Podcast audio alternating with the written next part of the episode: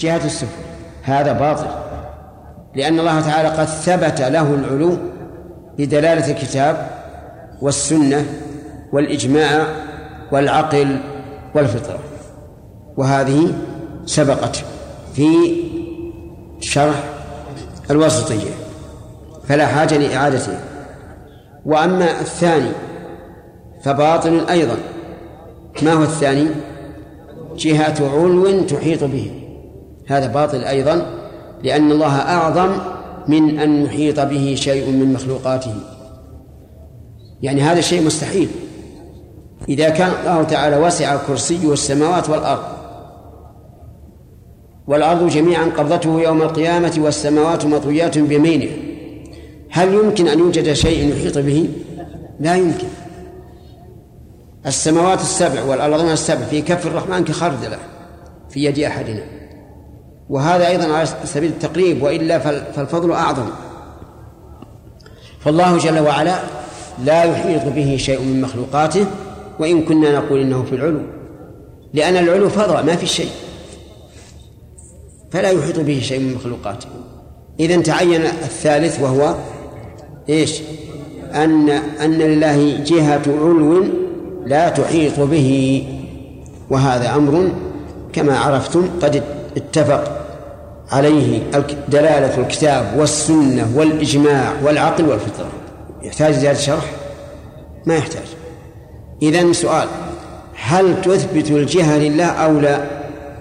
أقول أما اللفظ فلا أثبته ولا أنفيه وأنا في عافية منه وعندي ما يغني عنه وهو أنه فوق العرش أنه فوق السماوات أنه العلي أنه القاهر فوق عباده والحمد لله. نحن في غنى. أما من جهة المعنى فهي فلا تخلو من ثلاث حالات. أن نريد جهة تحيط به أو جهة سفل أو جهة علو لا تحيط به. الثالث حق. والأول والثاني باطل. وعرفتم وجه ذلك. طيب. هل هناك مثال آخر؟ إي نعم له أمثلة. الجسم.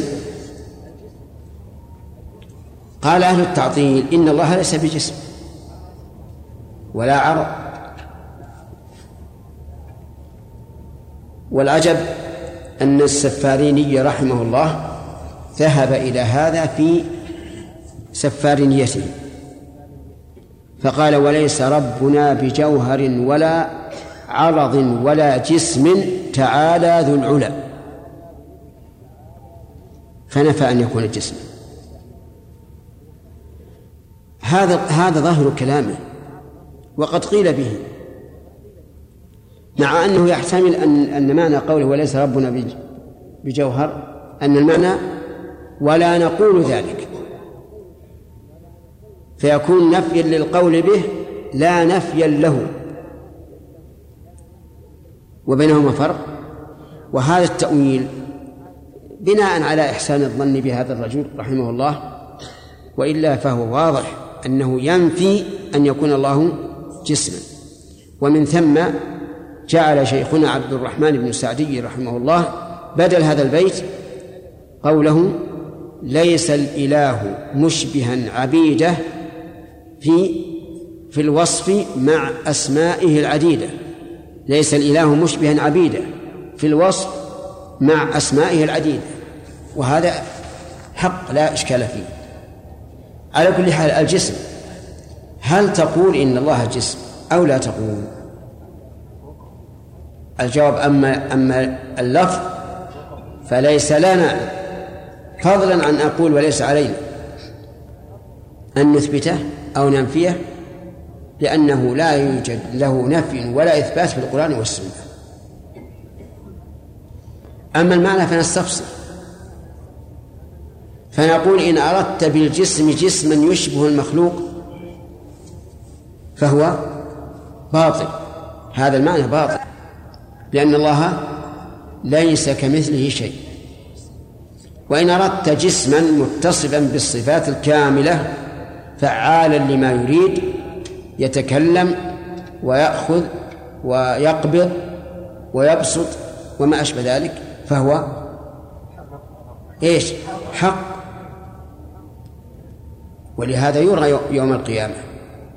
طيب في أيضا حيز الحيز يقول لك إذا أثبت أن الله عالي فقد جعلته في حيز أي في شيء يحوزه. نقول مثل ما قلنا. في إيش؟ وش أقرب ماله؟ الجهة. نقول كما قلنا في الجهة. كذلك هل هل لله حد أو هل الله محدود؟ أيضا نتكلم. نقول أما اللفظ فإنه لم يرد في القرآن ولا في السنة إثباتا ولا نفيا. وأما المعنى فنسأل ماذا تريد بكلمة حد؟ هل تريد أن الله تعالى يحده شيء من المخلوقات؟ فهذا باطل لأن الله لا يحيط به شيء من المخلوقات. أم تريد أن الله أن لله حدا أي أنه بائن من خلقه ليس مختلطا فيه؟ فهذا هذا حق. ولهذا نجد في في بعض الكتب القديمة بعضهم يقول إنه موصوف بكذا وكذا بلا حد.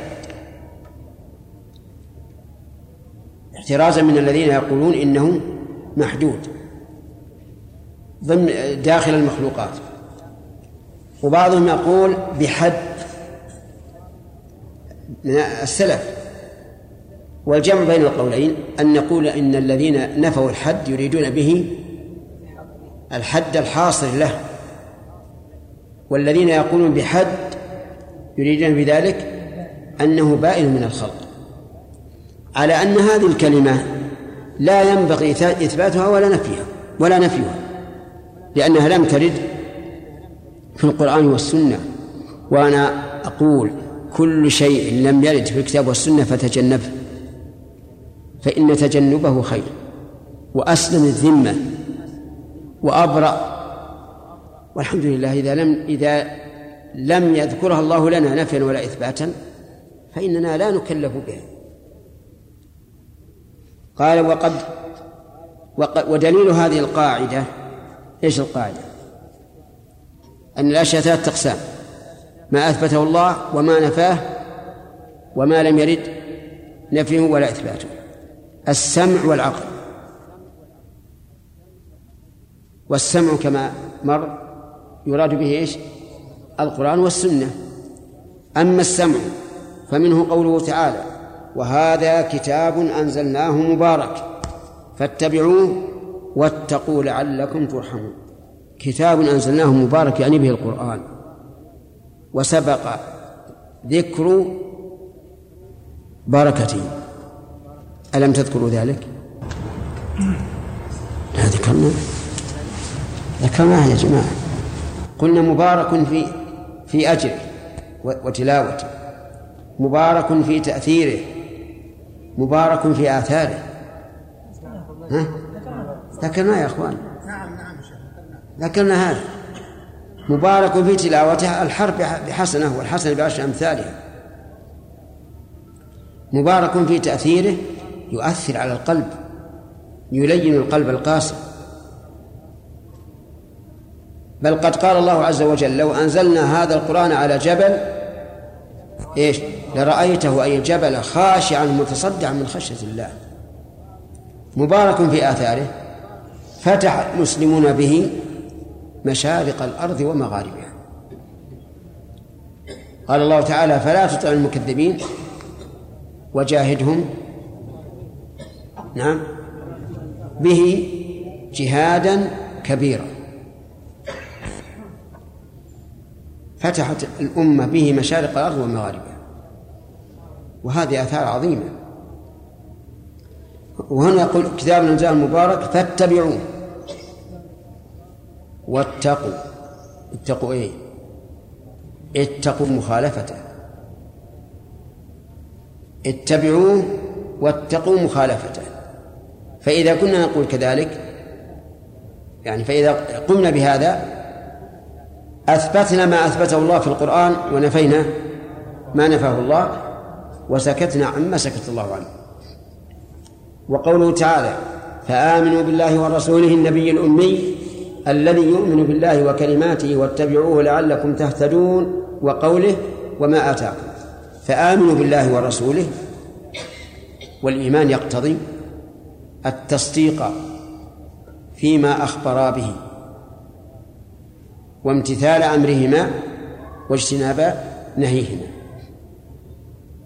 النبي أي المنبأ أو المنبئ أيهما؟ كلاهما. فهو منبأ من عند الله منبئ عن الله. الأمي الأمي هل المراد الذي لا يقرأ ولا يكتب؟ أو المراد المنسوب للأميين كما قال عز وجل هو الذي بعث في الأميين رسولا منهم. على الأول يكون معنى أن النبي صلى الله عليه وعلى آله وسلم كان لا يقرأ ولا يكتب وهو كذلك. كان لا يقرأ ولا يكتب. قال الله تعالى وما كنت تتلو من قبله من كتاب ولا تخطه بيمينك. إذا لارتاب المبطلون. وقال تعالى ويقولون إنما يعلمه وقال نعم ويقولون إنما يعلمه بشر. لسان الذي يلحدون إليه أعجمي وهذا لسان عربي مبين. هو لا يقرأ ولا يكتب. فهو أمي بهذا المعنى. ويجوز أن يكون أميا بالمعنى الثاني وهو أن يكون من الأميين. وبناء على هذا لو نسبت شخصا إلى الأميين أي إلى العرب وهو يقرأ ويكتب جيدا. صحت النسبة أو لا؟ نعم؟ صحت؟ يقرأ ويكتب أحسن خطاط وأحسن قارئ. تقول أمي. آه نسبة للأميين. إن النبي صلى الله عليه وسلم يصح أن يوصف بهذا وهذا لكن الوصف الأول أهم. أنه لا يقرأ ولا يكتب حتى لا يرتاب أحد في رسالته فيقول هذا قرأ الكتب وكتب وعليه فيكون وصفه بالأمية كمالا لدلالته على على صدقه وأنه لا يمكن أن يفتري من عنده الذي يؤمن بالله وكلماته. صلوات الله وسلامه عليه. يؤمن بالله. الإيمان التام. الذي لا يباريه أحد به. ولذلك نجد أنه أكمل الناس عليه الصلاة والسلام في عباداته. وكلما قوي الإيمان قويت العبادة فهو أعبد الخلق لله عز وجل. ومن قرأ سيرته عرف حاله. وكلماته أي الكونية والشرعية. يؤمن بالكلمات الكونية وأنه جل وعلا إذا أراد شيئا أن يقول له كن فيكون وأن الهزيمة بكلماته الكونية والانتصار بكلماته الكونية وهذا يتضمن أن يؤمن بالقدر خيره وشره. يؤمن كذلك بالكلمات الشرعية. فهو صلى الله عليه وعلى آله وسلم أسبق الناس إلى العمل بما جاء به هو. كما قال عنه بعض الملوك عرفت أنه نبي لأنه ما أمر بأمر إلا كان أول فاعل به فاعل له إلا كان أول فاعل له. ولا نهى عن شيء إلا كان أول تارك له عليه الصلاة والسلام. وهذا يدل على كمال تعبده لله تبارك وتعالى. واتبعوه آمنوا واتبعوا الإيمان بالقلب والاتباع بالجوارح فهو كالإيمان والإسلام. هذا إذا اجتمع وأما إذا ذكر أحدهما منفردا شمل الآخر. اتبعوه لعلكم تهتدون. وإني أدعوكم أيها الإخوة إلى أن تلاحظوا هذا في عباداتكم. كلما فعلتم شيئا من العبادات استشعروا بأنكم إيش؟ متبعون للرسول صلى الله عليه وسلم. ليكون أسوتكم وإمامكم في الدنيا والآخرة.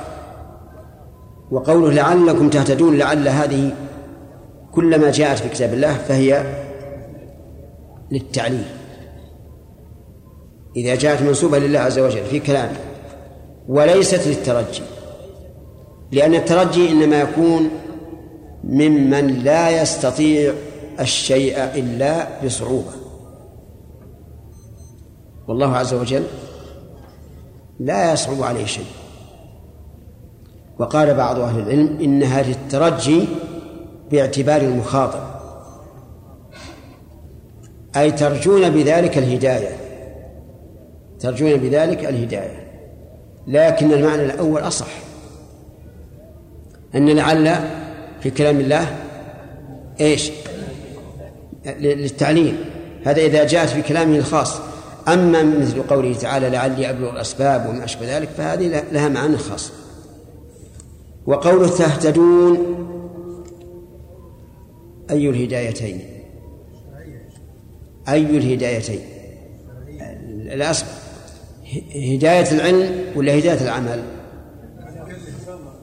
كلها. هداية العلم وهداية العمل. ولهذا كلما كان الإنسان أتبع لرسول الله صلى الله عليه وسلم كان أوسع لعلمه وأكثر لعمله وإخلاصه. وجرب تجد أنت إذا غفلت في يوم من الأيام عن شعورك بالمتابعة صارت العبادات بالنسبة لك قليلة قليلة الثمرة. لكن إذا شعرت بأنك تتبع النبي صلى الله عليه وعلى آله وسلم وكأنه أمامك استفدت فائدة كبيرة. ولهذا قال عز وجل واتبعوه لعلكم تهتدون. إذن الإيمان والاتباع. كلاهما سبب للاهتداء. وقوله تعالى وما آتاكم الرسول فخذوه وما نهاكم عنه فانتهوا. ما آتاكم من الغنائم فخذوه وما نهاكم عنه فانتهوا ولا تطالبوا به ولا تسخطوا إذا لم يصل إليكم. فإن قال قائل أين الدلالة من هذه الآية على ما نحن فيه؟ فالجواب أنه إذا كنا مأمورين أن نأخذ ما آتانا من الفيء وهو على اسمه فيء زائد دنيا زائلة فأخذنا بما آتانا من العلم. إيش؟ من باب أولى. إذن إذا أعلمنا النبي صلى الله عليه وسلم بهذا الاسم أنه من أسماء الله قبلنا وإلا فلا. وقوله تعالى من يطع الرسول فقد أطاع الله ومن تولى فما أرسلناك عليهم حفيظا. من يطع الرسول المراد به محمد صلى الله عليه وعلى آله وسلم. فقد أطاع الله. وجه ذلك أن الله أمر بطاعة الرسول. فإذا أطعنا الرسول فقد أطعنا الله. والرسول صلى الله عليه وسلم له الولايتان ولاية التشريع وولاية التنفيذ. فيكون فيكون فنكون مأمورين بطاعته لأنه مشرع ولأنه أمير في الواقع. يعني هو هو السلطة هو ذو السلطان عليه الصلاة والسلام. وأطيع الله ومن يطيع فقد أطاع الله. ومن تولى يعني عن طاعة الرسول فما أرسلناك عليهم حفيظا. مناسبة الجواب للشرط أن المراد به تسلية النبي صلى الله عليه وعلى آله وسلم. يعني من تولى فإنه لا يضر وإنما يضر نفسه. وأنت لست حفيظا عليهم ولا مسيطرا عليهم ولا جبارا عليهم. أمرهم إلى من؟ إلى الله. أنت وهي البلاغ. إن عليك إلا البلاغ. ما عليه إلا البلاغ. وإذا كان هكذا فمن بعده ممن خلفه في أمته من العلماء؟ مثله. ما على العلماء إلا البلاغ. عليهم أن يأمروا بالمعروف وينهوا عن المنكر لكن ليس عليهم أن يأتمر الناس وينتهوا. يبلغون. وأما أن الناس يأتمرون بأمرهم وينتهون بنهيهم فهذا ليس ليس واجبا عليهم. إنك لا تهدي من أحببت ولكن الله يهدي من يشاء. افعل السبب لهداية الخلق وابذل ما تستطيع. ولكن لا يضق صدرك بما بما كان عليه الناس. لأنك إن فعلت هذا اشتغلت بعيوب الناس عن عن عيوب نفسك وصار لا مالك هم إلا إلا الناس. وهذا يؤثر على الإنسان. تجده يحب للناس الخير الأمر بالمعروف والنهي عن المنكر والدعوة لكن ينسى نفسه. الحمد لله. ما دام الله عز وجل قال لنبيه المكلف بالرسالة وتبليغها قال إن عليك إلا البلاغ. فنحن والله بيننا وبينهم مسافات وعسى أن نقوم بما يجب أن نبلغ. ولهذا قال فما أرسلناك عليهم حفيظا. وقوله فإن تنازعتم في شيء فردوه إلى الله والرسول. إن كنتم تؤمنون بالله واليوم الآخر ذلك خير وأحسن تأويلا إن تنازعتم يعني اختلفتم في شيء. قال بعضكم هذا حرام وقال بعضكم هذا واجب أو هذا مباح. فإلى من نرجع؟ إلى شيئين لا ثالث لهم. إلى الله يا عاد. إلى الله والرسول. إلى الله كيف نصل إلى الله؟ إلى كتابه الحمد لله. كتاب الله بيننا. والقرآن الكريم كالمراسيل الملكية مثلا وحاشا القرآن منها لكن هو بيننا. نرجع إلى إلى كلامه. والرسول في حياته إليه نفسه حتى يحكم بيننا. بعد مماته إلى ما صح من سنته صلى الله عليه وسلم. لكن اسمع. إن كنتم تؤمنون بالله واليوم الآخر. يعني إن كنتم صادقين في الإيمان بالله واليوم الآخر فعند التنازع ارجعوا إلى الله ورسوله. والإيمان بالله واليوم الآخر يقترنان جميعا دائما في القرآن الكريم. لأن الإيمان بالله باعتبار البداية واليوم الآخر باعتبار النهاية. فباعتبار البداية إذا كان الإنسان مؤمنا بالله لا بد أن يكون في قلبه حركة ليصل إلى الرب عز وجل محبة له ورغبة فيما عنده. اليوم الآخر كذلك إذا كان الإنسان عنده إيمان باليوم الآخر قوي فسيتجنب كل ما يكون سببا للعقوبة في ذلك اليوم. ذلك خير وأحسن تأويلا. تأويلا بمعنى مآلا. خير في الحال. حتى لو غلب أحدنا. عجيب يا جماعة. حتى لو غلب يصير خير له مغلوب. نعم. الإنسان إذا تواضع لله ورجع عن قوله لأن له يخالف الكتاب والسنة فهو ليس بمغلوب بل هو غالب غالب على نفسه والجهاد جهاد النفس. أما بالنسبة, بالنسبة للغالب فواضح أنه خير له. لأنه دل على خير وقضى بالخير فكان خيرا له. أحسن تأويلا أي أحسن عاقبة من أن يركب بعضكم رأسه ولا يخضع للحق ويقول أنا من أنا. أنا ابن جلا وطلاع الثنايا. متى أضع العمامة تعرفون؟ ولا أقبل منك ولا شيء. وش أنت؟ كأنك رجل فأنا رجل. ويا أبا. إذا أبى وذاك أبى سوف يبقى التنازل وتبقى الأمة متفرقة. ولا خير في أمة متفرقة أبدا. فصار الرجوع إلى الله ورسوله خيرا في الحال وفي المآل. ولا تظن أنك إذا غلبت حين رجعت إلى الكتاب والسنة أن ذلك أن مآل ذلك وعاقبته سيكون سوءا لك. وسيقول الناس فلان غلب مسكين ما عنده علم. لا هو خير. بل إنك إذا رجعت إلى الحق وثق الناس بك أكثر. كما أنك إذا سئلت عن شيء لا تعلم عنه وقلت لا أدري وثق الناس بك أكثر. أما الإنسان اللي ما شاء الله كل مسألة ولو كانت من أعظم المسائل ترج عليه على طول. يقول الحكم فيها كذا. الحكم كذا. أو يقول فيها قولان والعلم عند عند ولدي هل قال هذا؟ كما قرأنا في بعض الكتب. رجل يقال له ابن جني يسمع يا يحيى لعلك ما سمعتها من قبل. ما سمعتها؟ أي. ابن جني هو إنسي مو هو هو جني عالم من علماء النحو. كان له شيخ كبير أب شيخ كبير وأبوه متزعم.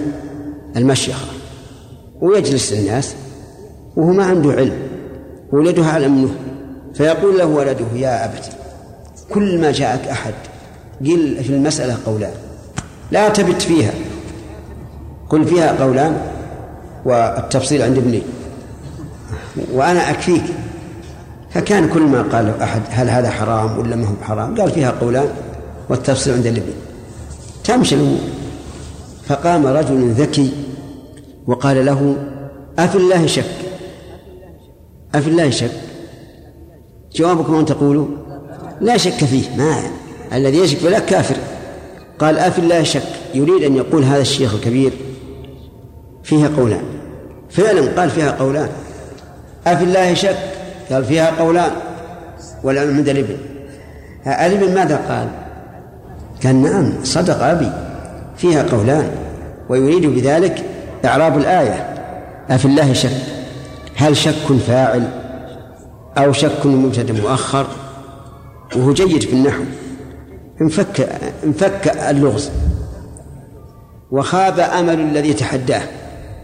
لأن ابنه وجد وجد مخرجا فالمهم أنك إذا رجعت إلى الحق حينما حصل النزاع وحكمتم الكتاب والسنة ورجعت إلى الحق لا تظن هذه هزيمة هذه غنيمة.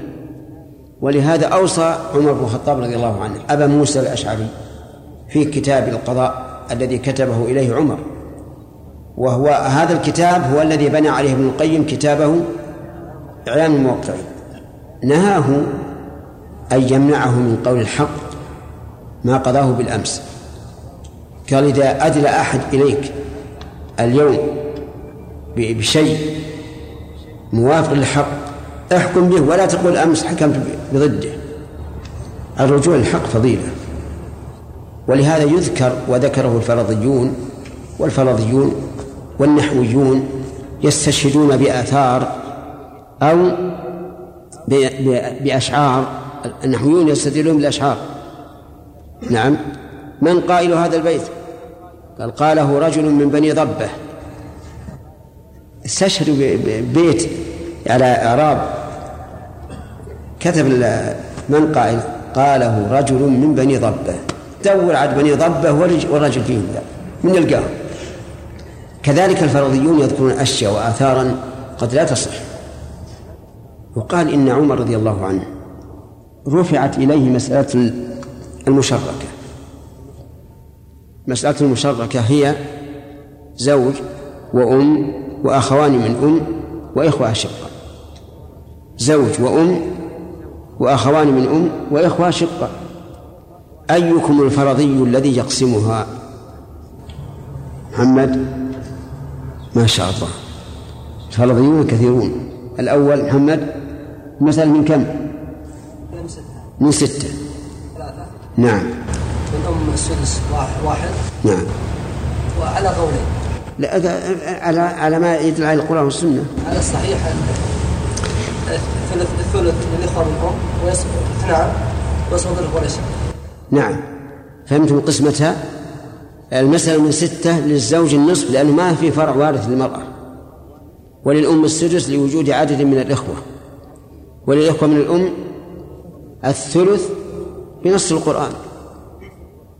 وإن كان رجل قال الله عز وجل وإن كان رجل يورث كلالة أو امرأة وله أخ أو أخت فلكل واحد منهم السدس فإن كانوا أكثر من ذلك أي من من الواحد فهم شركاء في الثلث. هذا كلام الله عز وجل. الإخوة الأشقاء ما لهم شيء. هذا حكم عمر أولا ثم رفعت القضية إلى قضية أخرى وحكم بالتشريك وسنذكر إن شاء الله بعد الأذان. رفعت القضية غير القضية الأولى راحت انتهت. إلى عمر رضي الله عنه مرة ثانية فقال للزوج النصف وللأم السدس وما بقي فللإخوة الأشقاء أو لأم. شرك بينهم. فقيل له يا أمير المؤمنين حكمت بالأمس بكذا وكذا. قال ذاك على ما قضينا وهذا على ما نقضي. فصرح بأنه رجع. والرجوع إلى الصواب فضيلة يا أخوان.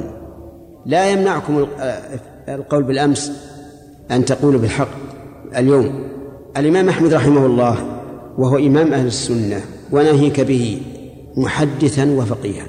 كان يرجع عن القول الذي قاله ولا يبالي كان يقول رحمه الله بأن طلاق السكران واقع. يعني الرجل إذا سكر وطلق زوجته ألزم بالطلاق مع أنه لا يدري ما يقول يلزم بالطلاق. ثم رجع وقال إن طلاق السكران لا يقع وصرح برجوعه فقال كنت أقول بطلاق السكران حتى تبينته يعني حتى تثبت فيه وتبين لي. فرأيت أني إن قلت بطلاق بوقوع طلاق السكران أتيت خصلتين منعتها من زوجها؟ نعم منعته من زوجته. حرم زوجها منها وتزوجت بآخر. وإذا قلت إنه لم يقع أتيت خصلة واحدة. وهي أني أحللتها لزوجها على تقدير أنها حرام عليه ما فعلت إلا خصلة واحدة ولكن لم أحلها لغيره. فالمهم أن الرجوع للحق من الفضائل العظيمة. من الفضائل العظيمة. نسأل الله أن يجعلنا وإياكم ممن اتبع الحق. نعم. يلا عبد الرحمن. شيخ أحسن الله إليكم في إثبات الصفات لله سبحانه وتعالى مذهب أهل السنة أنهم يتبعون الدليل. نعم. دون ما أثبته النص نعم. ويقفون عند غيره. أما مذهب أهل الكلام والتعطيل فإنهم يعتمدون على العقل. يثبتون الصفة ثم يقولون والدليل العقل كذا. نعم. طيب الشيخ نحن في إثباتنا ل آه، مثل تع- تعرض آه، لنا أقوال مثل الحيث والجهة. مثل هم يقولون أن الله سبحانه وتعالى ليس بجوهر ولا بذي طول ولا قصر ولا ذو حرارة ولا برودة. الشيخ إذا تعرض لهذه الأشياء فلماذا لا ننفيها جملة؟ إنها لم لم ترد في النص. لا نستطيع أن ننفيها. لأننا إذا نفيناها فلا بد من علم. نعم ننفي آه، ولا لا بد من علم. ما عندنا علم. نستفصل بالمعنى والحمد لله. ولهذا الأشياء التي تستلزم النقص ننفيها ولا وإن لم ينص, عليها. مثل لو قال قائل هل لله أمعاء؟ هل لله معدة؟ هل لله كبد؟ ماذا نقول؟ هذه ننفيها نقول لا. لأن هذه الآلات أجهزة لإيش؟ للطعام والشراب. وهو سبحانه وتعالى يطعم ولا ولا يطعم ولا يطعم. حتى قول الأضراس لو قال قائل هل لها أضراس؟ فأنا أرى أن نقول لا. في حديث إن الله يضحك حتى تبدو أضراسه لكني لا أظن أنه يصح إطلاقا. لأن الأض- الأضراس لطحن الطعام. نعم. شيخ هذه الأشياء مضادة مثل مثل البرودة والحرارة والقصر والطول. هذه الأشياء شيء مضادة. إيه لكن شاء الله كلفنا نقوله. إذا نقول ما نقوله؟ نحن نلتزم الأدب مع الله. ما دام الله لم ينفيها عن نفسه ولم يثبتها ما لنا ولها ما هي مشكلة هذه أبدا. أسلك الطريق الأسلم قل أنا عبد لله ما أخبرني به قبلته وما لم يخبرني به لا لا أثبته نعم. الله البعض يعني ينفي آه، صفة الجهة مطلقا نعم. التفصيل اللي مر معنا نعم. فهل هذا يحكم عليه بأنه يعني مخالف للمنهج السوي؟ إي نعم. نعم. لأن نفي الجهة مطلقا معناه نفي العلو. ويقول هذا أنفي العلو. يعني هذا ثابت. آه، العلو أين هو؟ أليس العلو جهة؟ هذا مثل الذين يقولون إن الله يرى يوم القيامة لا في جهة كيف يرى لا في جهة؟ معقول هذا؟ هل شيء يرى إلا بجهة؟ إما مساوية أو أنزل أو فوق نعم شيخ الله إذا قلنا ذات الله عز وجل هل هي مثل قولنا في اللغة العربية جاء زيد بنفسه أو نفس زيد؟ إيه بمعنى نفس بمعنى نفس تماما ولهذا أرى أن التعبير بالنفس أولى. لأنه اللفظ الذي جاء به النص مثل ما قلنا في كلمة مثل أولى. ولأن الذات في الأصل لا تقال للعين إنما هي وصف إنما هي وصف. كما في الحديث الصحيح رجل دعته امرأة إيش؟ ذات منصب وجمال. فالأصل أن ذات في النساء كذو في الرجال. صفة. وتأتي اسما موصولا في لغة طي تأتي اسما موصولا. وتأتي ذو أيضا اسما موصولا في لغة طي. نعم. كذبات في ذات الله نعم. على ماذا؟ أي في جهته. ذات الجهة. نعم. شيخ كذبوا على العقل على العقل أهل الكلام. وشلون؟ أقول كذبوا على والله على العقل. الله يجزاك خير. نعم سنسميك بالحسن يا شيخ ظلموا ظلموا ظلموا العقل ظلم الحين في انسان يدعي ما يرفع يديه للسماء أيوه ما في يقول يدعو يقول بيده كذا لا ما هو هذا ما يليق بالعقل يستدعون بالعقل يكذبون انفسهم هم العجائز لو انها العجائز لمن يقول لمن لمن علم به علما به وصفه الكلام يقول هذا كذب ما صحيح صحيح. ترى بعض الكلام يا سليم بعض الكلام يقول عند الموت فعلت فعلت بحثت نظرت وها أنا أموت على عقيدة أمي. أو يقول أنا أموت على عقيدة عجائز نيسابور العجائز أحسن عقيدة من أهل الكلام. والحقيقة أقول لكم الإنسان إذا فتح على نفسه باب الكلام وباب التحاكم إلى العقل في صفات الله سيظل ولا بد. الطريق السليم أن تسلك ما جاء في الكتاب والسنة فقط ولا تدخل في العقل لأن تدخيل العقل في هذه الأمور صعب صعب جدا جدا. ومع ذلك نقول الحمد لله صفات الله تبارك وتعالى ليس فيها نقص لا حسب الدليل السمع ولا الدليل العقل. حسبنا عن يوم القيامة. شلون؟ أن كلفنا الله أن نصف الله وأن نصف ذاته ونتفكر كيف كيف الله وكيف كيف مخلوقاته وكيف عظامه وكيف وكيف أعوذ بالله. هذا ما ما كلفنا الله فيه. ونؤمن بالايمان كامل أننا يوم القيامة ما نسأل عن ذلك. لا ما نسأل نسأل إن خضنا فيه. إن خضنا فيه فإن على خطر. وإن سلمنا منه فهو السلام. انتهى الوقت. نرجع إلى إلى درس. آه طيب. وقال الله عز وجل لنبيه صلى الله عليه وعلى آله وسلم وأن احكم بينهم بما أنزل الله ولا تتبع أهواءهم. احكم بينهم عند النزاع. بما أنزل الله أي بالقرآن والسنة لأن الله تعالى قال وأنزل الله عليك الكتاب والحكمة. ولا تتبع أهواءهم. الله عز وجل يقول للرسول لا تتبع أهواءهم. تثبيتا له وتأييدا. وإلا فهو لن يتبع أهواءهم. بل أمره الله أن أمره الله أن يقول قل لا أقول لكم عندي خزائن الله ولا أعلم الغيب ولا أقول لكم إني ملك. إن أتبع إلا ما يوحى إلي. فلا يتبع أهواءهم لكن الله ينهاه عن ذلك تثبيتا له. لا لأنه اتبع فهو تثبيت لا إنكار. انتبه يا أخي. تثبيت لا إنكار. لأنه لم يقع منه اتباع الهوى. ولكن الله نهاه ليثبته حتى قال الله له فيما قال له في سورة الإسراء وإن كادوا ليفتنونك عن الذي أوحينا إليك لتفتري علينا غيره. وإذا يعني لو اتبعت ما يقولون لاتخذوك خليلا. إذا هذا جواب إذا لأذقناك ضعف الحياة وضعف الممات. ثم لا تجد لك علينا, علينا نصير. أفهمت يا أخي؟ لماذا يذيقه الله ضعف الحياة وضعف الممات؟ لأنه رسول وزلته ليست كزلة غيره.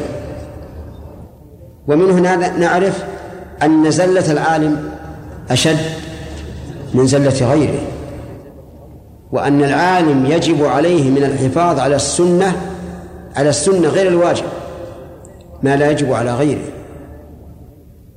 ويجب عليه من الحفاظ على الواجب أيضا أكثر من غيره. لأن العالم متبع خصوصا الذي رزقه الله عز وجل حسن نية وقصد. فسيكون إماما سواء سخط أو رضي. فإذا كان كذلك يجب عليه أن يفعل ما لا يجب على غيره. انتبه لهذا. فلو أن رجلا من العلماء أما الناس وصار يقرأ بقصار المفصل كل يوم في سورة في صلاة الفجر. هل هو آثم؟ لا آثم آثم. هو لو كان يصلي وحده ما أثم يقرأ ما تيسر لكنه إمام يأثم.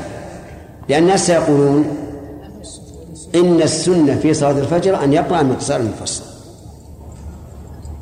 فيكون آثما الآن أنتم أليس تسمعون العوام يحتجون بفعل العالم؟ نعم إذا مشكلة. يتغير به الدين. إذا إذا أسقط شيئا من الدين ولو كان مسنونا فالنبي صلى الله عليه وعلى آله وسلم لن يتبع أهواءهم لكن لشدة الأمر وخطورة الأمر ينهاه الله تعالى يتبع أهواءهم إيش؟ إيش؟ تثبيتا له. يعني أثبت على هذا. أثبت على أن تتبع أهواءهم وقال إلى غير ذلك من النصوص الدالة على وجوب الإيمان بما جاء في القرآن والسنة. وكل نص يدل على وجوب الإيمان بما جاء في القرآن فهو دال على وجوب الإيمان بما جاء في السنة. انتبه لهذه القاعدة التي أهملها القرآنيون. سبحان الله. يعني الناس انقسموا إلى ثلاثة أقسام. قرآنيين وسنيين وأهل حق. القرآنيون يقولون لا نأخذ إلا بما في القرآن. والسنيون يعملون بالسنة ويجتهدون في تحقيقها وتحريرها ولكن لا يعرفون القرآن. لو سألته عن معنى آية صعب عليه أن يفهمها لكن تجد يكدح ليلا ونهارا في تحقيق السنة من حيث السند من حيث المعنى من حيث اللغة ولكن القرآن ما عنده شيء. والوسط الوسط ما هو العناية بالقرآن والسنة. كل نص يدل على وجوب الإيمان بالقرآن فإنه يدل على وجوب الإيمان بالسنة. وجه ذلك لأن مما جاء في القرآن الأمر باتباع النبي صلى الله عليه وسلم والرد إليه عند التنازع والرد إليه يكون إليه نفسه في حياته وإلى سنته بعد وفاته. وهذا أمر لا إشكال فيه. فالذين قالوا إننا لا نؤمن إلا بما جاء في القرآن نقول إنكم لم تؤمنوا بما جاء في القرآن. ولو ولو ولو أنكم آمنتم بما جاء في القرآن لآمنتم بما جاءت به السنة. كالذي يقول نحن نعظم النبي صلى الله عليه وعلى آله وسلم بإحداث الاحتفال في مولده بمولده أو بغزواته التي انتصر فيها. نقول لو كنتم تعظمون الرسول صلى الله عليه وعلى آله وسلم حق التعظيم إيش؟ لاتبعتموه ولا ما فعلتم هذا. لأنكم إذا فعلتم هذا وأحدثتم في شريعة ما ليس من شريعته فهذا عدوان. وهذا تقدم بين يدي الله ورسوله. قال وأين الإيمان بالقرآن؟ لمن لم يرد النزاع إلى النبي صلى الله عليه وعلى آله وسلم. وقد أمر الله به في القرآن وأين الإيمان بالرسول الذي أمر به القرآن نعم.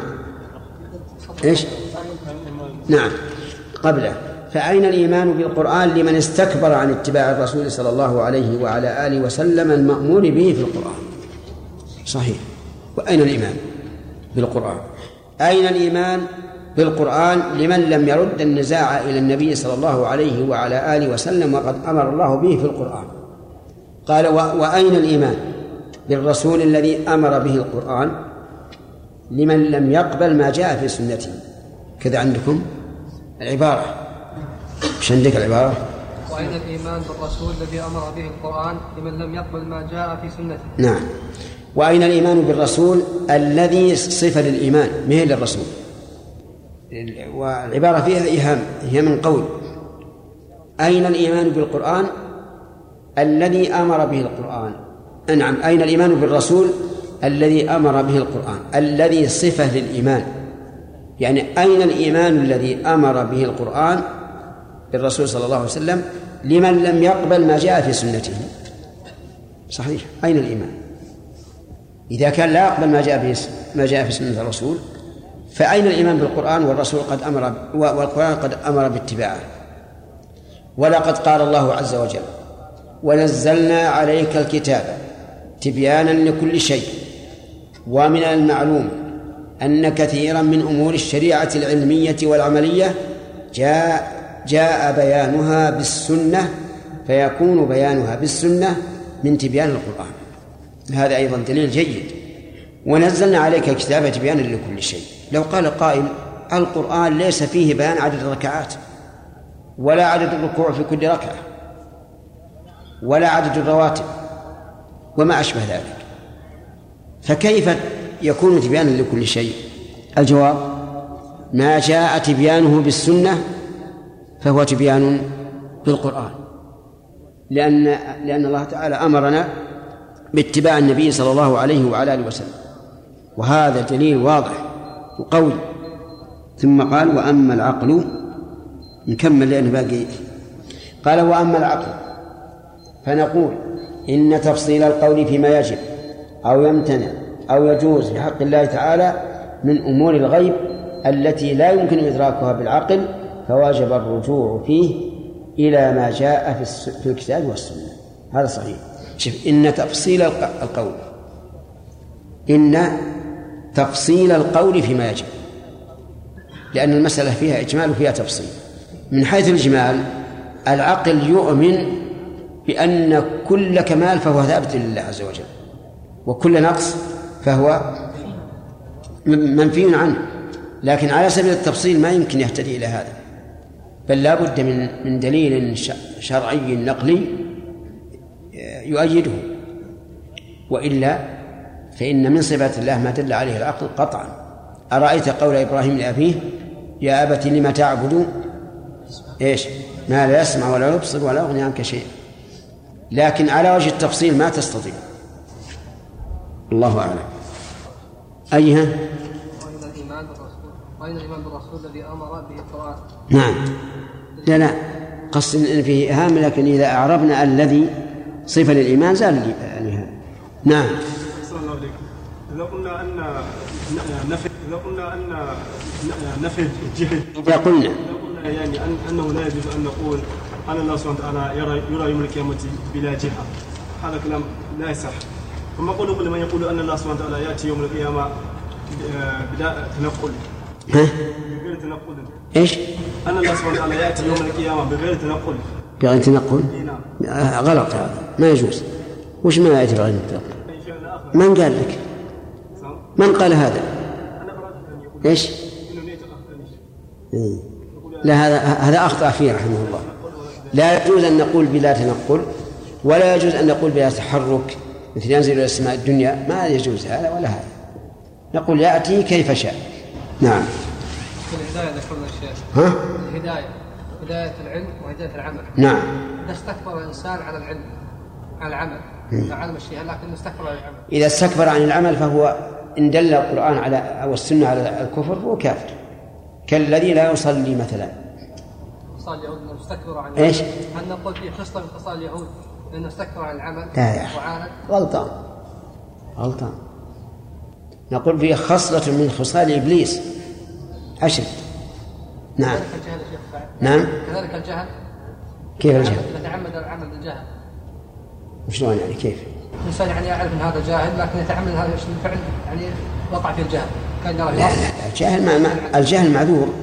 ربنا لا تؤاخذنا إن نسينا وأخطأنا يتعمد الجهل يعني. تعمد الجهل. الجهل وصف ما هو يتعمد. هل يقدر الواحد هل يقدر الواحد انه انه يجهل اللي هو عالم؟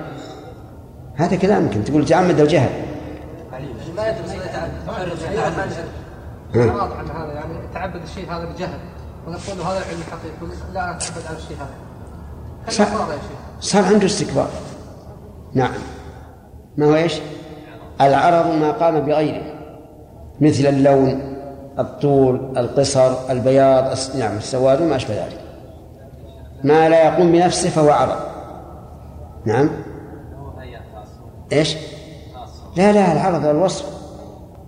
كل وصف هو هو عرض كما قال السفني قال فإن يقوم بنفسه فجوهر أو لا فذاك عرض. نعم. حديث أبي غزين العقيلي عندما قال النبي صلى الله عليه وسلم كيف ينظر إلينا ربنا وهو شخص واحد؟ نعم. السؤال يا شيخ ما فهمت؟ يعني الصحابي يصل. لا ما يريد يريد- يعني يريد بيان وجه ذلك على أن الحديث في صحته نظر. بسم الله الرحمن الرحيم. القاعدة الثانية. الواجب في نصوص القرآن والسنة إجراؤها على ظاهرها دون تحريف لا سيما نصوص الصفات حيث لا مجال للرأي فيها ودليل ذلك السمع والعقل. أما السمع فقوله تعالى نزل به الروح الأمين على قلبك لتكون من المنذرين بلسان عربي مبين. وقوله إنا أنزلناه قرآنا عربيا لعلكم تعقلون. وقوله إنا جعلناه قرآنا عربيا لعلكم تعقلون. وهذا يدل على وجوب فهمه على ما يقتضيه ظاهره باللسان العربي. إلا أن يمنع منه دليل شرعي. وقد ذم الله تعالى اليهود على تحريفهم وبين أنهم بتحريفهم من أبعد الناس عن الإيمان. فقال أفتطمعون أن يؤمنوا لكم وقد كان فريق منهم يسمعون كلام الله ثم يحرفونه من بعد ما عقلوه وهم يعلمون. وقال تعالى من الذين هادوا يحرفون الكلمة عن مواضعه ويقولون سمعنا وعصينا. وأما العقل فلأن المتكلم فلأن المتكلم بهذه النصوص أعلم بمراده من غيره. وقد خاطبنا باللسان العربي المبين ووجب قبوله على ظاهره وإلا لاختلف الآراء لاختلفت الآراء وتفرقت الأمة. بسم الله الرحمن الرحيم الحمد لله رب العالمين وصلى الله وسلم على نبينا محمد وعلى آله وأصحابه ومن تبعهم بإحسان إلى يوم الدين. آه، أما بعد فقد سبق القول بأنه يجب علينا أن نؤمن بما جاء في الكتاب والسنة من أسماء الله وصفاته وبينا الأدلة على هذا. والآن نأخذ هذه القاعدة الثانية المهمة جدا. الواجب في نصوص القرآن والسنة إجراؤها على ظاهرها دون تحريف. الواجب يعني الواجب على الأمة ولا سيما العلماء منهم إجراء نصوص الكتاب والسنة على ظاهرها. والظاهر من الكلام هو المتاب هو المتبادر منه عند الإطلاق. هذا ظاهر الكلام. هو المتبادر منه عند الإطلاق. واعلم أن الكلام قد يكون نصا لا يحتمل التأويل وقد يكون ظاهرا يحتمل تأويلا مرجوحا وقد يكون محتملا للوجهين على السواء. فهذه ثلاثة أقسام.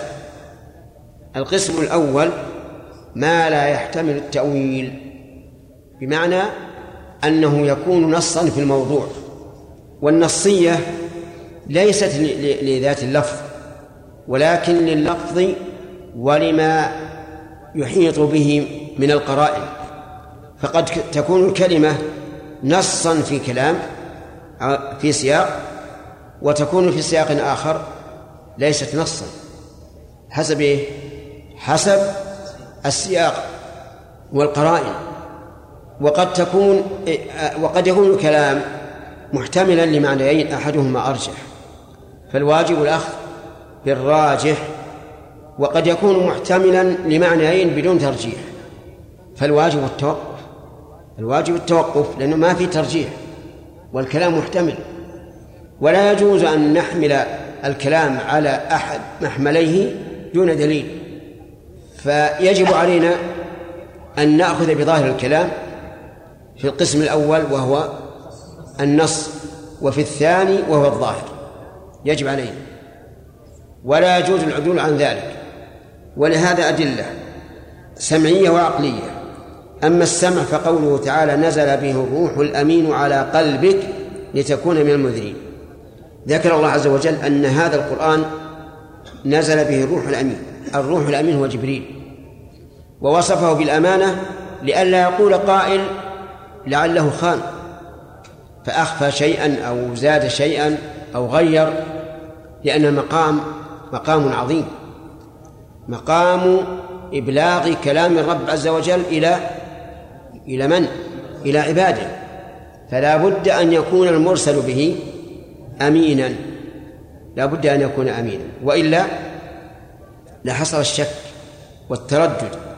فأثبت الله عز وجل أمانة الواسطة بينه وبين الرسول صلى الله عليه وعلى آله وسلم وهو جبريل أنه أمين.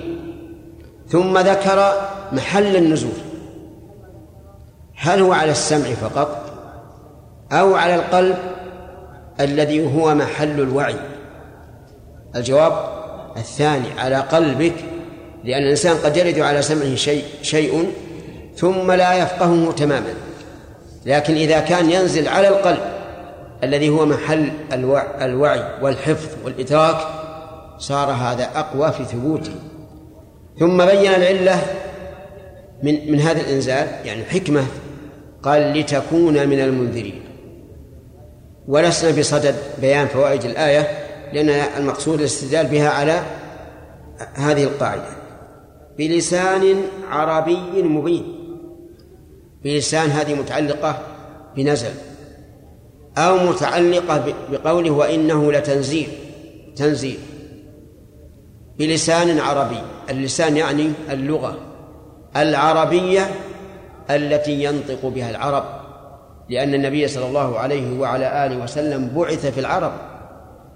وقد قال الله عز وجل وما أرسلنا من رسول إلا بلسان قومه ليبين لهم.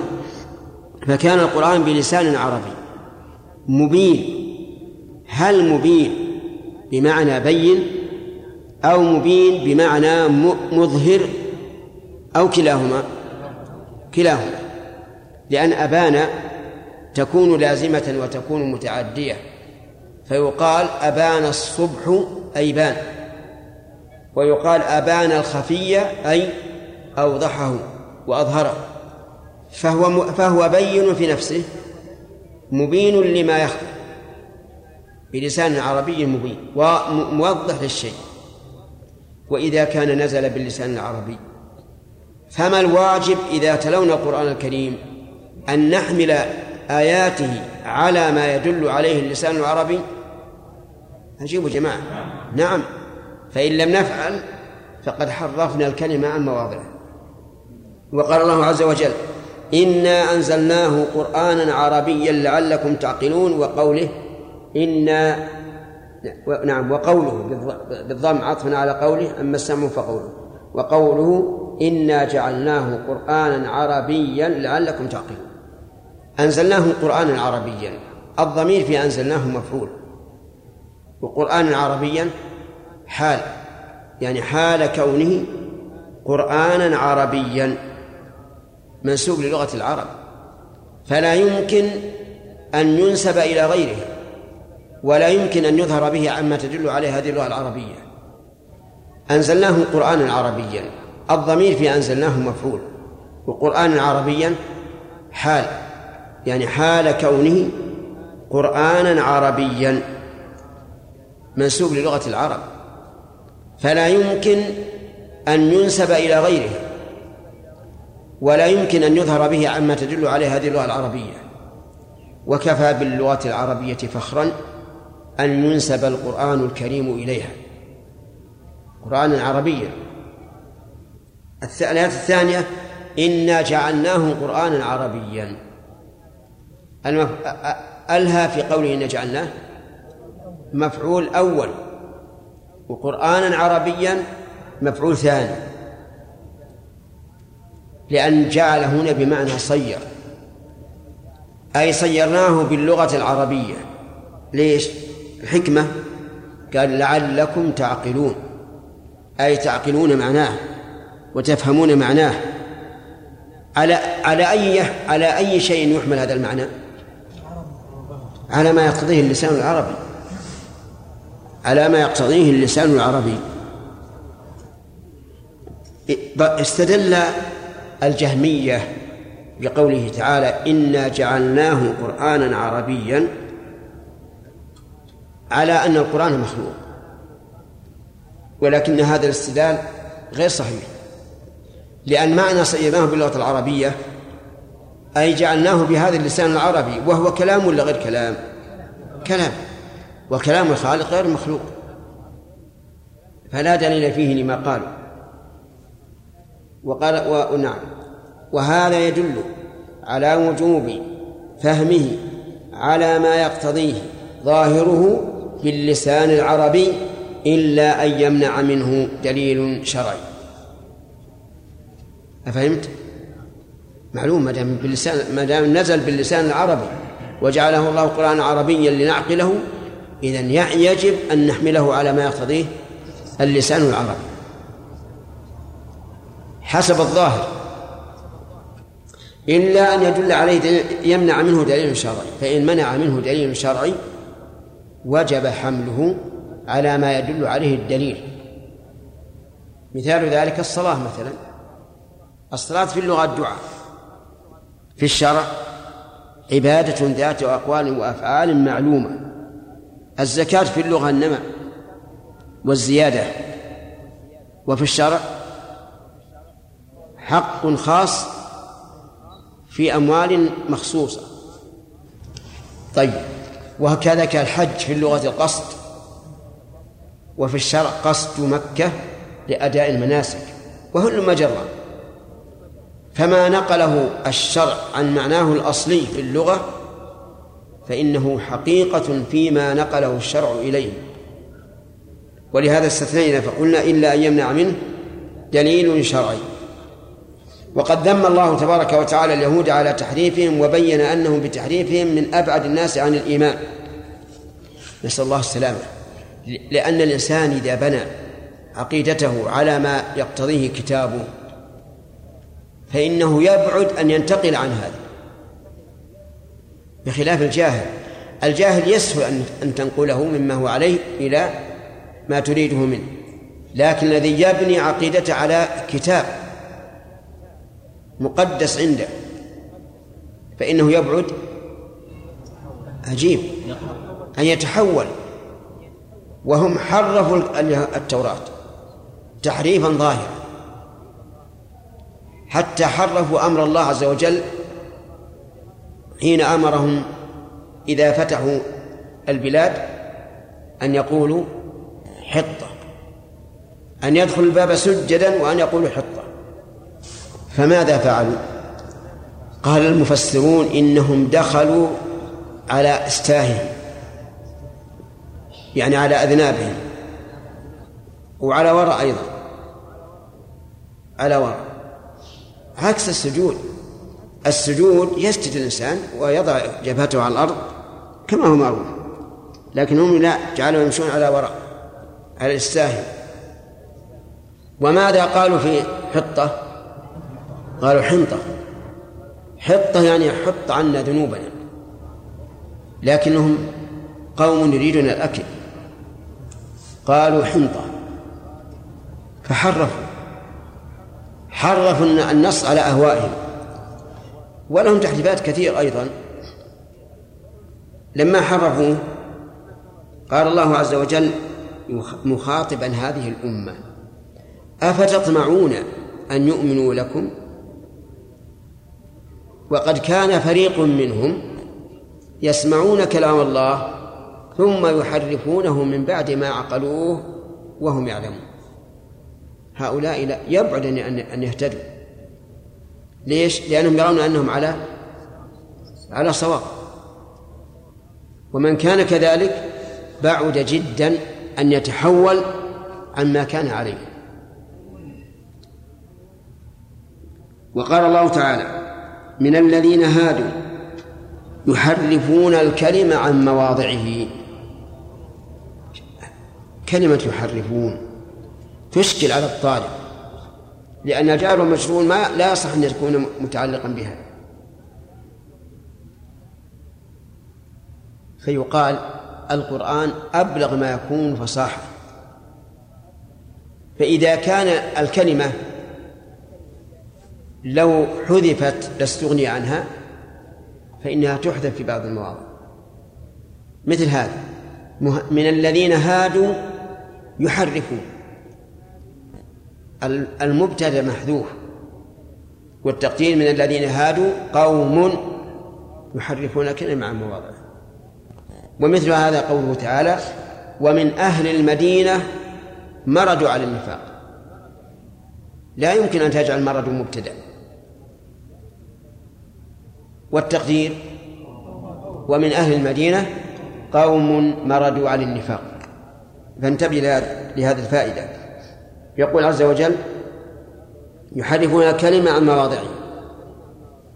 والكلم يعني كلام الله عن مواضعه. ويقولون سمعنا وعصينا. نسأل الله العافية. سمعنا وعصينا مجاهرة. بالكبرياء والرد والرفع. واسمع غير مسمع. يعني اسمع لا أسمعك الله فهو دعاء عليه. أفهمت؟ اسمع غير مسمع. إيش معنى غير مسمع؟ لا أسمعك الله. كما تقول اسمع أصم الله أذنيك وراعنا يقولون للرسول راعنا ويقصدون الرعونة واسمع وانظرنا غير مسمع نعم واسمع غير مسمع وراعنا ليا بألسنتهم وطعن في الدين. ولهذا نهى الله سبحانه وتعالى المسلمين أن يقولوا راعنا حتى وإن أرادوا بها معنى صحيحا لئلا يشبهوا اليهود في مقصدهم. فقال يا أيها الذين آمنوا لا تقولوا راعنا وقولوا انظرنا. وبمناسبة سياق الآية هذه أود أن أذكركم أن الإنسان إذا نهى الناس عن شيء وكان لا بد لهم منه أن يذكر لهم بدله مما أحل الله. ليش؟ لأنه إذا سد الباب عليهم فلا بد أن يكسروه. إذا لم يجدوا منفذا. فإذا وجدوا منفذا لم يبق لهم عذر. ولهذا قال لا تقولوا راعنا وقولوا انظرنا. ومن ذلك أيضا قول لوط لقومه. أتأتون الذكران من العالمين؟ وإيش؟ وتذرون ما خلق لكم ربكم من أزواجكم فهو يدلهم على شيء محلل وينهاهم عن شيء محرم. ومن ذلك قول النبي صلى الله عليه وسلم لما قال له الرجل ما شاء الله وشئت. قال أجعلتني لله ندا. بل ما شاء الله وحده. ومن ذلك قول النبي صلى الله عليه وعلى آله وسلم حين قدموا له تمرا طيبا من أين هذا؟ قالوا يا رسول الله نأخذ الصاع من هذا بالصاعين والصاعين بالثلاثة. قال هذا عين الربا. ولكن بيعوا الرديء بالدراهم واشتروا بالدراهم طيبا. هذا معنى الحديث. المهم أنتم إن شاء الله دعاة إلى الله. دعاة إلى الله. إذا ذكرتم تحريم شيء يحتاج الناس إليه فلا بد أن تذكروا لهم البديل الحلال. لا تصدوا على الناس الطريق. فإنكم إن سددتم الطريق إيه كسروا الباب وتصور تسوروا الجدار. نعم. وقال تعالى من الذين هادوا يحرفون الكلمة عن مواضعه ويقولون سمعنا وعصينا. نسأل الله العافية. قال وأما العقل العقل على إيش؟ على وجوب إجراء النصوص على ظاهرها. فلأن المتكلم بهذه النصوص أعلم من بمراده من غيره لا شك. لو سألنا سائل من أعلم من من أعلم المتكلمين بكلامهم؟ من تكلموا؟ من تكلموا به؟ إن كان الكلام كلام الله فهو أعلم بمراده وإن كان الكلام كلام الرسول صلى الله عليه وعلى آله وسلم فهو أعلم بمراده وإن كان الكلام كلام الله وفسره الرسول فالرسول صلى الله عليه وعلى آله وسلم أعلم الناس بمراد الله. فالعقل يقتضي أن نجريه على ظاهره لأن المتكلم به قد علم المعنى وعبر عنه بما تكلم به. وقد خاطبنا الله تعالى باللسان العربي المبين فوجب قبوله على ظاهره وإلا لاختلفت الآراء وتفرقت الأمة. وبهذا نعرف أن من قالوا إن الله استوى على العرش أي استولى عليه خرجوا عن هذه القاعدة. ليش؟ لأنه لا يوجد في اللغة العربية استوى بمعنى استولى. أبدا. ومن قالوا المراد بقوله بل يداه مبسوطتان أي نعمتاه. فقد أخطأوا. لأن هذا خلاف ظاهر اللفظ ولذلك انتبه صدر كل رد على أهل التعطيل بقولك هذا لا يصح. إيش؟ لأنه خلاف ظاهر اللفظ هذا صدره صدر كل رد عليهم بهذا. وصدره أيضا بقولك وخلاف إجماع السلف المرضيين وهم الصحابة. وقد بينا لكم سابقا أنه لو قال لك قائل أين الإجماع من الصحابة على أن المراد بنصوص الصفات ظاهرها؟ الجواب إن سكوتهم عن تفسيرها بما يخالف ظاهرها. ها؟ يدل على على إجماعهم. إذ لو كان لهم رأي يخالف الظاهر لبينوه. فإجماعهم على السكوت عن تفسيرها بخلاف الظاهر يدل على إجماعهم بالقول بما تدل عليه. وهذه طريقة أيضا قل من يتفطن لها. صحيح أن أن المبطل قد يبهتك ويقول هذا دليل. أين قول أبو بكر عمر عثمان علي بن مسعود بن عباس وغيره أين هذا؟ إيش الجواب؟ الجواب أنه لم يرد عليه ما لم يرد عنه ما يخالف هذا الظاهر. فكان سكوتهم عن مخالفته دليلا على أنهم مجمعون على على ذلك. هذه القاعدة يمكن أن نجعلها أصلا في الرد على من؟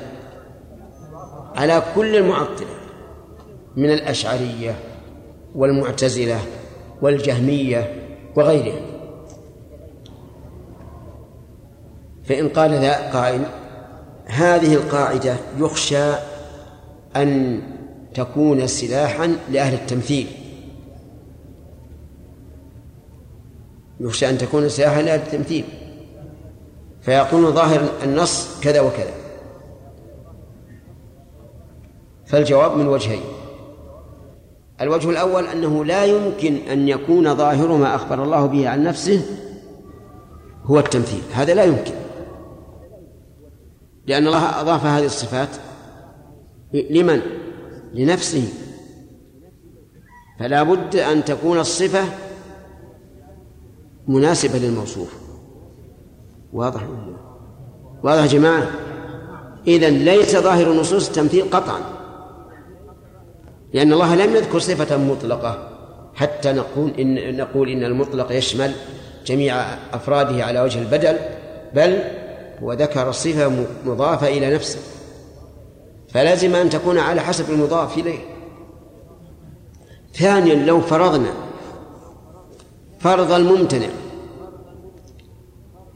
أن هذا الظاهر فإن هذا الظاهر مصروف بما هو نص واضح في قوله ليس كمثله شيء وهو السميع البصير وبهذا يبطل والحمد لله قول الممثلة وقول المعطلة. القاعدة الثالثة ظواهر النصوص معلوم ظواهر نصوص الصفات معلومة لنا باعتبار ومجهولة لنا باعتبار آخر. فباعتبار المعنى هي معلومة وباعتبار الكيفية التي هي عليها مجهولة. هذا هذه القاعدة قد تكون جوابا لسؤال هل ظواهر نصوص الصفات معلومة أو غير معلومة؟ إن قلت معلومة أخطأت وإن قلت غير معلومة أخطأت. إذن الواجب التفصيل. فنقول أما من جهة المعنى فهي معلومة ولا يمكن أن الله ينزل علينا كتابا بمنزلة الحروف الهجائية أو بمنزلة اللغة الفارسية ونحن عرب أو الإنجليزية ونحن عرب. ما يمكن. فهي باعتبار المعنى إيش؟ معلومة. باعتبار الكيفية التي هي عليها مجهولة. ما ندري. ما نعلم إطلاقا. فالوجه معلوم واليد معلومة والعين معلومة والقدم معلومة والساق معلوم وما أشبه ذلك. هذا معلوم المعنى نعرفه. لكن لو قال صف قدم الله أقول هذا مجهول. صف استواءه هذا مجهول. لا يمكن. أفهمت يا أخي؟ إذن النصوص معلومة لنا من وجه وهو يا أخ. من جهة المعنى. مجهولة من وجه الكيفية. طيب. وقد دل على ذلك السمع والعقل. أما السمع فمنه قوله تعالى كتاب أنزلناه إليك مبارك ليدبروا آياته وليتذكر أولو الألباب. وقد دل على ذلك السمع والعقل. أما السمع فمنه قوله تعالى كتاب أنزلناه إليك مبارك ليدبروا آياته وليتذكر أولو الألباب. كتاب أنزلناه إليك مبارك. كتاب هذا خبر مبتدأ محذوف. والتقدير هذا كتاب وجملة أنزلناه صفة للكتاب. أنزلناه إليك مبارك. سبق قريبا جدا أنه مبارك في إيش؟ يحيى. نعم. نعم. أحسن تمام. قلها يا عادل. نعم. ها. لا. في آثاره. لحقت بها بعد. طيب وسبق شرح هذا هذا الكلام. آه، ليدبروا آيات اللام اللام للتعليل. أي لأجل أن يدبروا آياته. هذه واحدة. ولأجل أن يتذكر أولو الألباب. شوف القرآن سبحان الله. التدبر ما قال يتدبر أولو الألباب؟ لأنه قد يتدبر آياته من هو كافر؟ والكافر له عقل لا ما له عقل الكافر له عقل إدراك يتعلق به التكليف. لكن ليس له عقل رشد بحيث يعقل كيف يتصرف. ولهذا سمي العقل عقلا لأنه يعقل صاحبه عما يضر. إذن التدبر مطلق. كيف مطلق؟ لكل من بلغه الكتاب ليدبروا آياته. التذكر من؟ أصحاب العقول. وليتذكر أولو الألباب. ولهذا ربما تجد من يصنفون في اللغة العربية نصارى ويشرحون المعاني الكلمات ويفهمونها. لكنهم لا يتذكرون لأنهم ليس لهم عقول. طيب في هذه الآية تنبيه على أمر مهم وهو أن أفعال الله عز وجل معللة بمعنى لها علة وحكمة ولا يمكن أن تكون أفعال الله معطلة أبدا بل هي معللة. نفاة العلة هم الجبرية ومن تفرع منهم من الأشاعرة قالوا إن الله عز وجل يفعل ما يشاء بدون حكمة ويشرع ما يشاء بدون حكمة لأنك لو قلت إنه لحكمة لكمل بهذه الحكمة فكمل بغيره وصار له غرض. ولهذا من كلماتهم الرائعة لفظا الفاسدة معنى. سبحان سبحان. من تنزه عن الأغراض والأبعاض والأعراض. سبحان من تنزه عن الأبعاض وإيش؟ والأغراض والأعراض. إذا سمع الإنسان كلمات لها رنين لكن القصد منها فاسد باطل. سبحان من تنزه عن الأعراض يريدون أن ينكروا الصفات الخبرية كلها. الوجه واليدين وما أشبه. هذا الأبعاد. عن الأعراض كل الصفات. كل الصفات اللي فيها فعل كالنزول إلى السماء الدنيا وما أشبه ذلك. والثالث الأغراض يعني الحكمة. ما الحكمة؟ فيقال سبحان الله. أيشرع للعباد أمرا ونهيا بلا فائدة؟ الجواب لا ما يمكن. بل لابد من فائدة. قد تكون معلومة وقد تكون غير معلومة. انتبه لهذا. فقل بلسانك وشفتيك إن أفعال الله تعالى إيش؟ معللة أي لها علة وإن شئت وهو أحسن قل لها حكمة. كلها حكمة. وليتذكر أولى الباب. الشاهد من هذا الحديث من نعم الشاهد من هذه الآية قوله ليدبروا آياته. لأنه لا يمكن أن نتدبر الآيات إلا من أجل الوصول إلى معناها. وإلا لم يكن للتدبر فائدة واضح؟ يعني الله عز وجل إنما نزل أنزل هذا القرآن لتدبره يعني للوصول إلى معناه. ولولا أن له معنى يفهم بالتدبر لكانت هذه العلة لا قيمة لها. طيب وقوله وقوله تعالى إنا جعلناه قرآنا عربيا لعلكم تعقلون. وش معنى تعقلون؟ أتفهمون معناه وتعقلونه لأنه لولا أن له معنى لكان اللسان العربي واللسان الأعجمي على حد سواء. كلها حروف وكلمات جوفاء غير معلومة لنا. وأظن هذا لا يخفى عليكم أنه لابد أن القرآن له معنى. واضح يا جماعة؟ طيب. وقوله تعالى وقوله جل ذكره وأنزلنا إليك الذكر لتبين للناس ما نزل إليهم ولعلهم يتفكرون. الله أكبر. سبحان الله. أنزلنا إليك الذكر وهو القرآن. لأن القرآن والله فيه ذكر لمن عمل به. فيه ذكر لمن عمل به كما قال عز وجل وإنه لذكر لك ولقومك. رفعة. كما قال عز وجل ورفعنا لك ذكرك. الذكر هو القرآن لأنه ذكر لمن قام بواجبه ورفعة لتبين للناس ما نزل إليهم. تبين.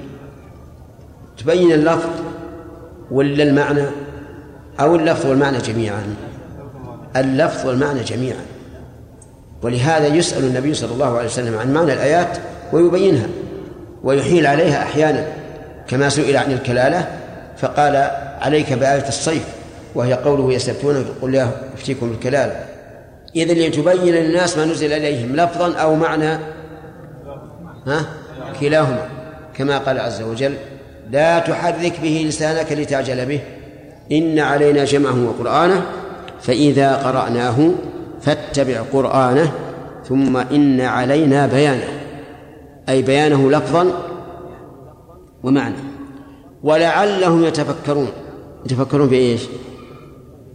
في المعنى. لعلهم يتفكرون.